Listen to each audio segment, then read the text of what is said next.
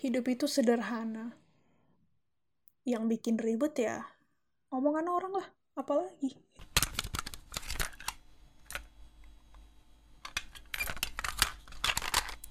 Kalau kita tahu ada orang yang udah kerja di perusahaan tertentu selama belasan atau bahkan puluhan tahun, biasanya kita bakal bilang, wah betah ya dia, pasti udah megang jabatan tinggi nih. Dia emang bakatnya di pekerjaan itu, makanya bisa selama itu kerjanya.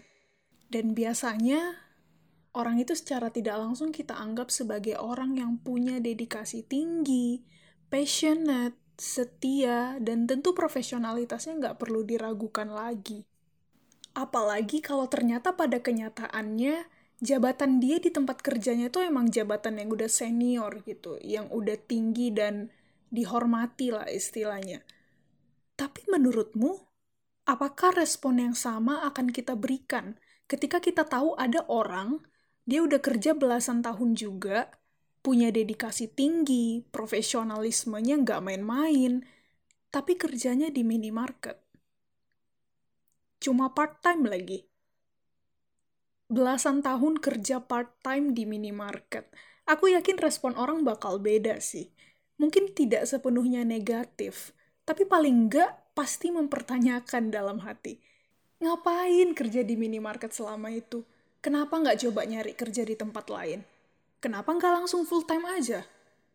Emang uangnya cukup buat kebutuhan sehari-hari. Kerja di minimarket kapan kayanya? Sekali lagi, dedikasinya sama. Masing-masing punya tekanan dan beban pekerjaan. Profesionalitasnya sama, kesetiaannya sama. Tapi ketika tempat kerjanya tidak mencerminkan apa yang masyarakat sebut sebagai sebuah kesuksesan, responnya akan 180 derajat berbeda.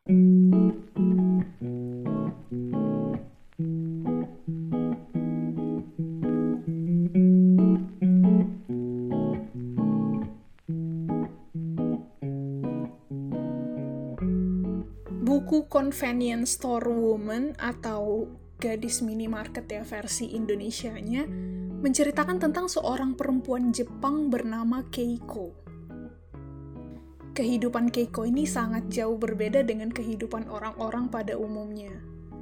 Sejak kecil memang si Keiko ini udah kelihatan bedanya. Pemikirannya tuh unik, tapi kalau dipikir-pikir ya logis juga sebenarnya. Contohnya pas dia SD. Ada anak laki-laki lagi berantem waktu jam mata pelajaran olahraga. Berisik lah tuh kan, ribut banget gitu. Ada yang teriak, hentikan mereka, hentikan mereka gitu. Terus ada lagi di sisi lain yang bilang, panggil ibu guru, panggil ibu guru. Cuman nih, bocah-bocah yang ngomong gitu tuh pada nggak gerak sama sekali. Cuman modal teriak doang mereka mah. Nah, sama si Keiko ini beneran diberhentiin anak-anak laki-laki yang berantem tadi. Dia ambil sekop, terus dia lari ke arah yang berantem, terus dia pukul datu kepala mereka. Dan hasilnya, ya berhenti perkelahiannya bener terus teman-temannya yang nonton doang tadi itu pada makin histeris kebingungan kok kok malah dipukul gitu kepalanya bla bla bla bla bla bla ya kalian minta perkelahiannya dihentikan kan ya jadi ku hentikan dengan cara paling cepat. Gitu katanya si Keiko. Tujuannya memang tercapai sangat-sangat tercapai yaitu menghentikan perkelahian. Tapi caranya luar biasa out of the box. Sama sekali tidak terpikirkan sama teman-temannya.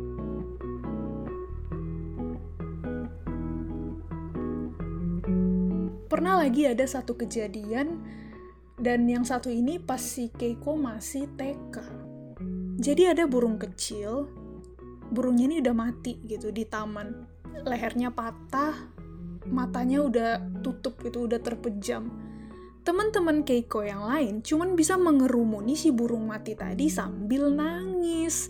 Gimana ini, gimana ini gitu. Mereka bingung harus ngapain gitu. Nah sama si Keiko diambil tuh burung, dia bawa ke ibunya, terus dia bilang, Ibu, ayo kita makan burung ini. Kaget dong ibunya. bunda-bunda satu geng ibu Keiko yang pada saat itu emang lagi nongkrong juga, mereka tuh juga kaget. Gila nih bocah. Ada burung mati bukan malah dikubur, malah pengen dimakan. Padahal maksud si Keiko ngomong kayak gitu adalah setahu dia selama ini mereka sekeluarga emang suka masak dan makan daging burung di rumah. Nah sekarang dia nemu burung mati nih, gratis nih nggak perlu beli. Ya udah lebih bagus dibawa ke rumah terus dimakan kan? Toh juga mereka sekeluarga emang suka ngapain harus dikubur? Tapi pada saat itu ibunya Keiko bilang enggak nah ini tuh harus kita kubur kasihan dia makin bingung lah si Keiko ini. Kan kenapa juga harus kasihan sama burung mati? Padahal lebih berguna kalau burung ini mereka makan.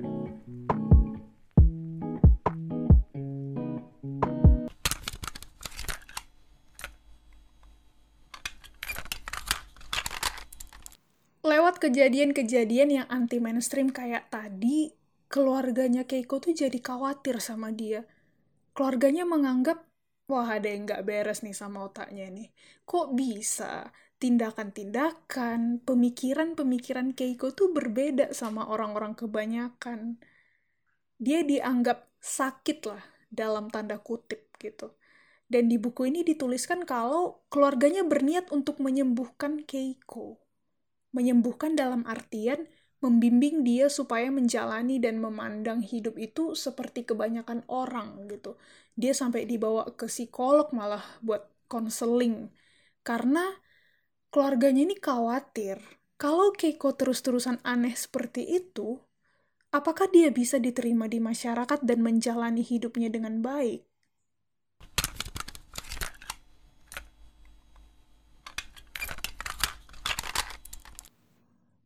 Si Keiko ini bekerja part-time ya di sebuah minimarket selama 18 tahun. Selama 18 tahun itu dia nggak pernah punya pekerjaan lain. Selama 18 tahun itu dia menyaksikan gimana minimarket itu berkembang. Gimana manajer dan rekan-rekan kerjanya itu udah silih berganti. Selama dia kerja di situ, manajernya udah ganti sampai 8 kali teman-teman yang dulu kerja bareng sama dia di awal-awal masuk kerja juga udah pada pindah semua. Teman-teman kampusnya dulu udah pada naik jabatan di tempat kerja mereka masing-masing. Udah banyak yang nikah, udah banyak juga yang punya anak.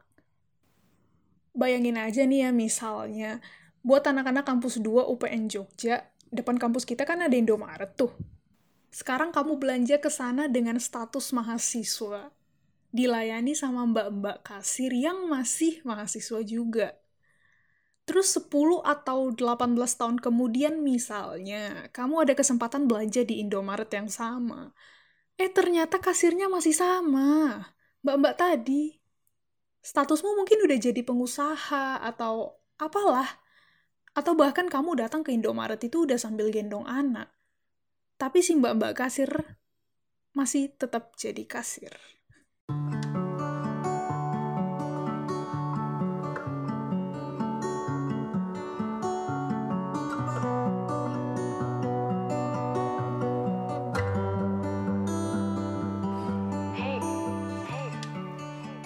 Si Keiko ini mulai kerja di minimarket itu sejak dia kuliah semester 1.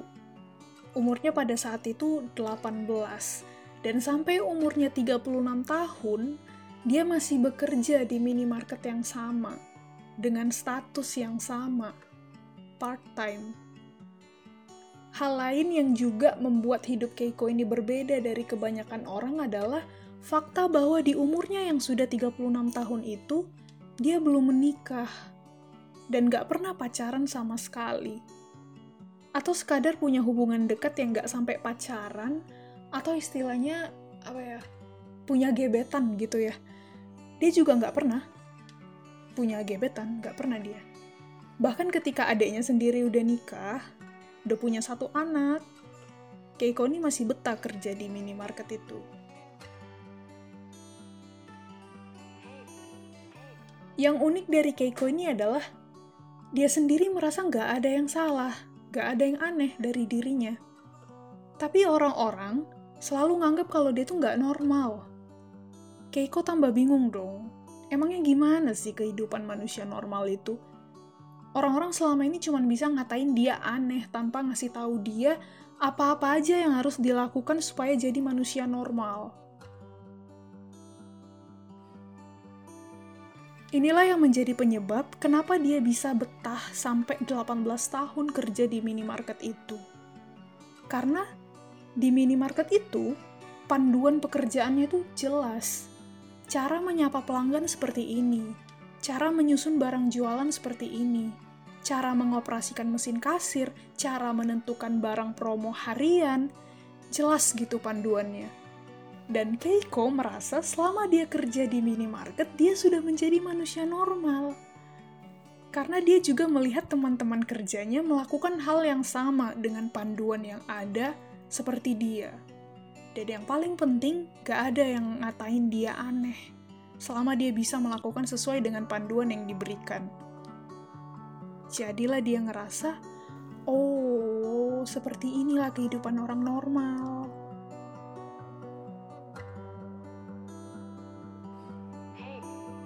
selama dia kerja di minimarket itu pun Keiko juga merhatiin gimana sih orang-orang tuh bergaul, apa yang mereka bicarakan, gimana cara mereka bicara, gimana cara ngomongnya maksudnya.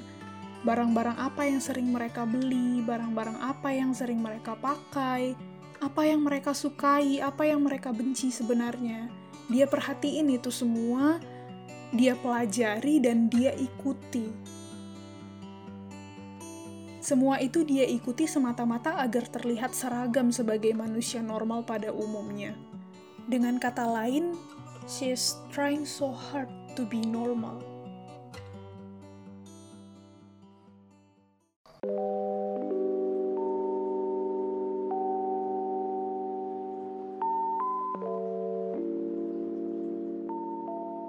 Buku ini menurutku adalah karya satir untuk menyindir the idea of being normal.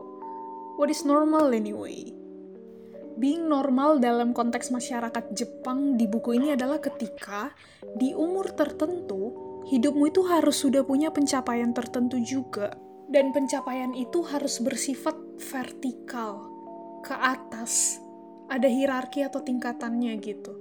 Gak bisa stuck di tingkatan itu-itu aja dalam waktu yang lama harus terus step up.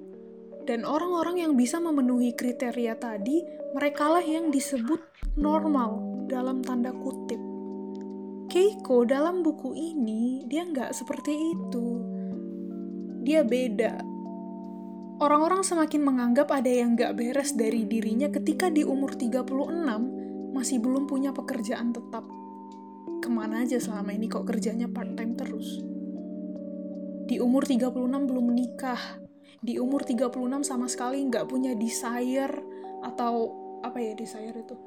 Hasrat untuk menjalin hubungan percintaan yang serius dengan manusia lain sebagai pasangan.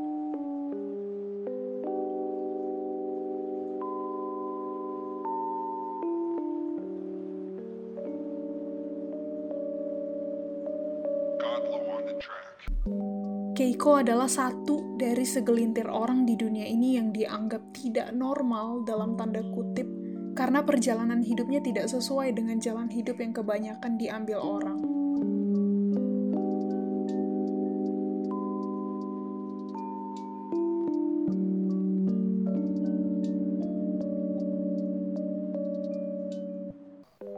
Musuh terbesar bagi orang-orang modelan Keiko ini tahu nggak apa?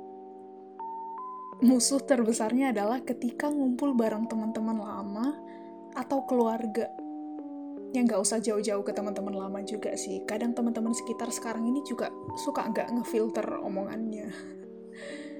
Di situlah momen-momen penghakiman atas pilihan hidup mereka, gitu. Orang-orang modelan Keiko ini. Seperti yang dialami Keiko di buku ini ketika dia ngumpul barbekyuan bareng teman-teman lamanya dia ditanyain kenapa belum menikah, kenapa masih kerja part-time. Gak cukup mempertanyakan, mereka itu juga mencurigai Keiko.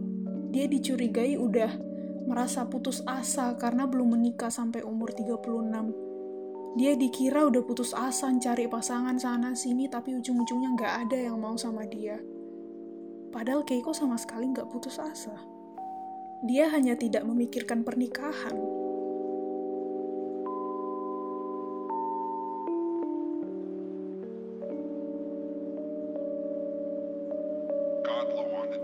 Keiko ini sangat nyaman dengan kehidupannya. Dia mencintai pekerjaannya. Dia selalu semangat bekerja. Dedikasinya sangat tinggi sebagai pegawai minimarket. Ya kamu bayangin aja 18 tahun gak pindah-pindah sampai hafal betul dia itu belanjaan yang biasanya dibeli sama pelanggan minimarketnya. Hubungan dengan keluarganya juga berjalan lancar. Baik-baik aja. Tapi kenapa kenyamanan itu justru berubah menjadi ketidaknyamanan bagi orang sekitarnya. Sampai-sampai ada temannya yang bilang kalau, Keiko kamu nggak bisa loh terus-terusan hidup kayak gini. Hidup kayak gini yang dimaksud temannya itu adalah kehidupan Keiko yang sebagai pekerja minimarket, sebagai part-time, belum menikah, dan perempuan yang tinggal sendirian.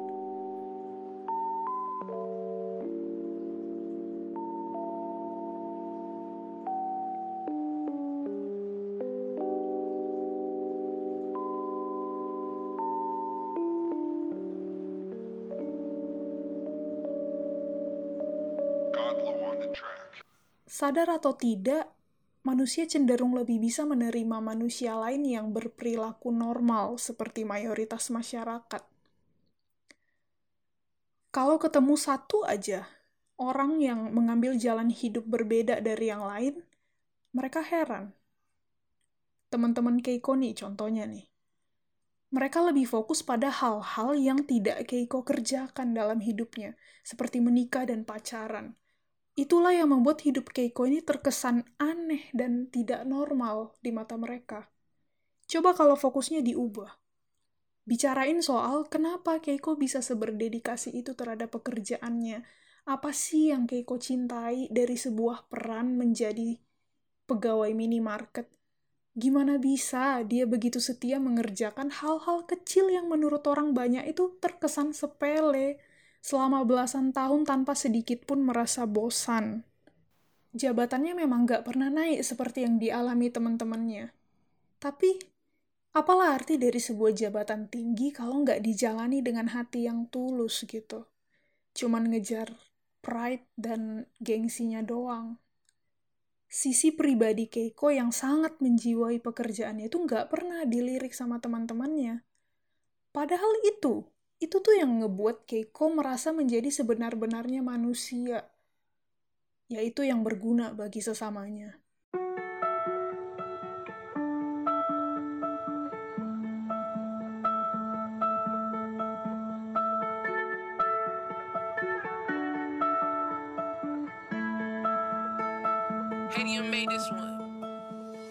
penulis buku ini, Sayaka Murata, juga mau ngasih tahu kalau orang-orang modelan Keiko ini sering kali dapat perlakuan yang tidak adil.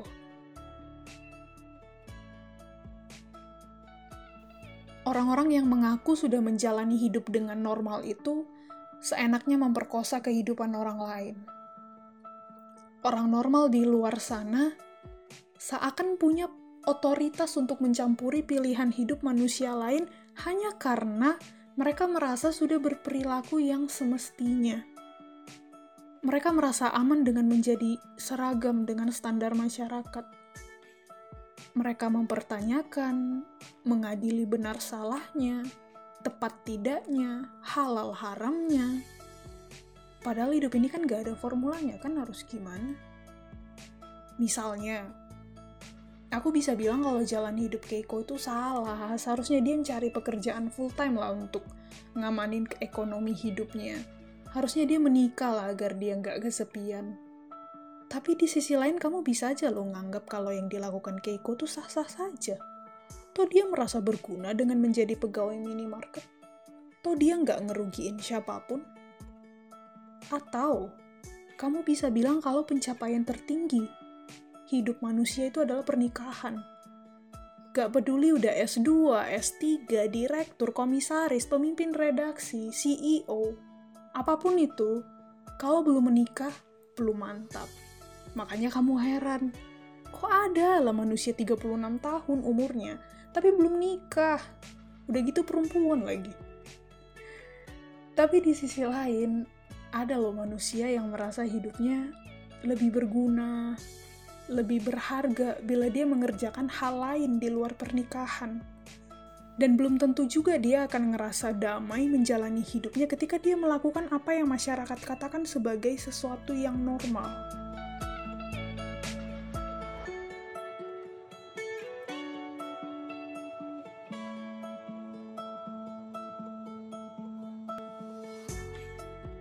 Di saat banyak orang yang berusaha menyesuaikan kehidupannya dengan standar yang ada, trying to fit what people expect, meskipun itu menentang hati nurani, bahkan kepribadian mereka, di sini ada tokoh Keiko yang menjadi representasi segelintir orang di dunia ini yang tetap jujur kepada dirinya sendiri, jujur tentang pilihan hidup yang sebenarnya ingin dia jalani dengan menjadi manusia di dunia ini.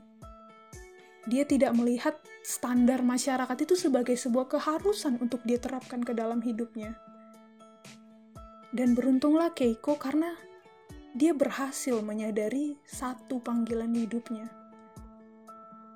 Panggilan hidup yang seterusnya akan menjadikan dia sebagai manusia yang berguna seperti yang dia ingini.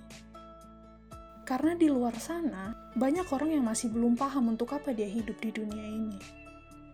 Dan sedihnya, bukannya terus mencari panggilan itu ke dalam dirinya, bukannya menanyakan secara tulus ke dalam dirinya, mereka-mereka ini malah mencari keluar dan menemui standar masyarakat yang kejam dan tidak realistis.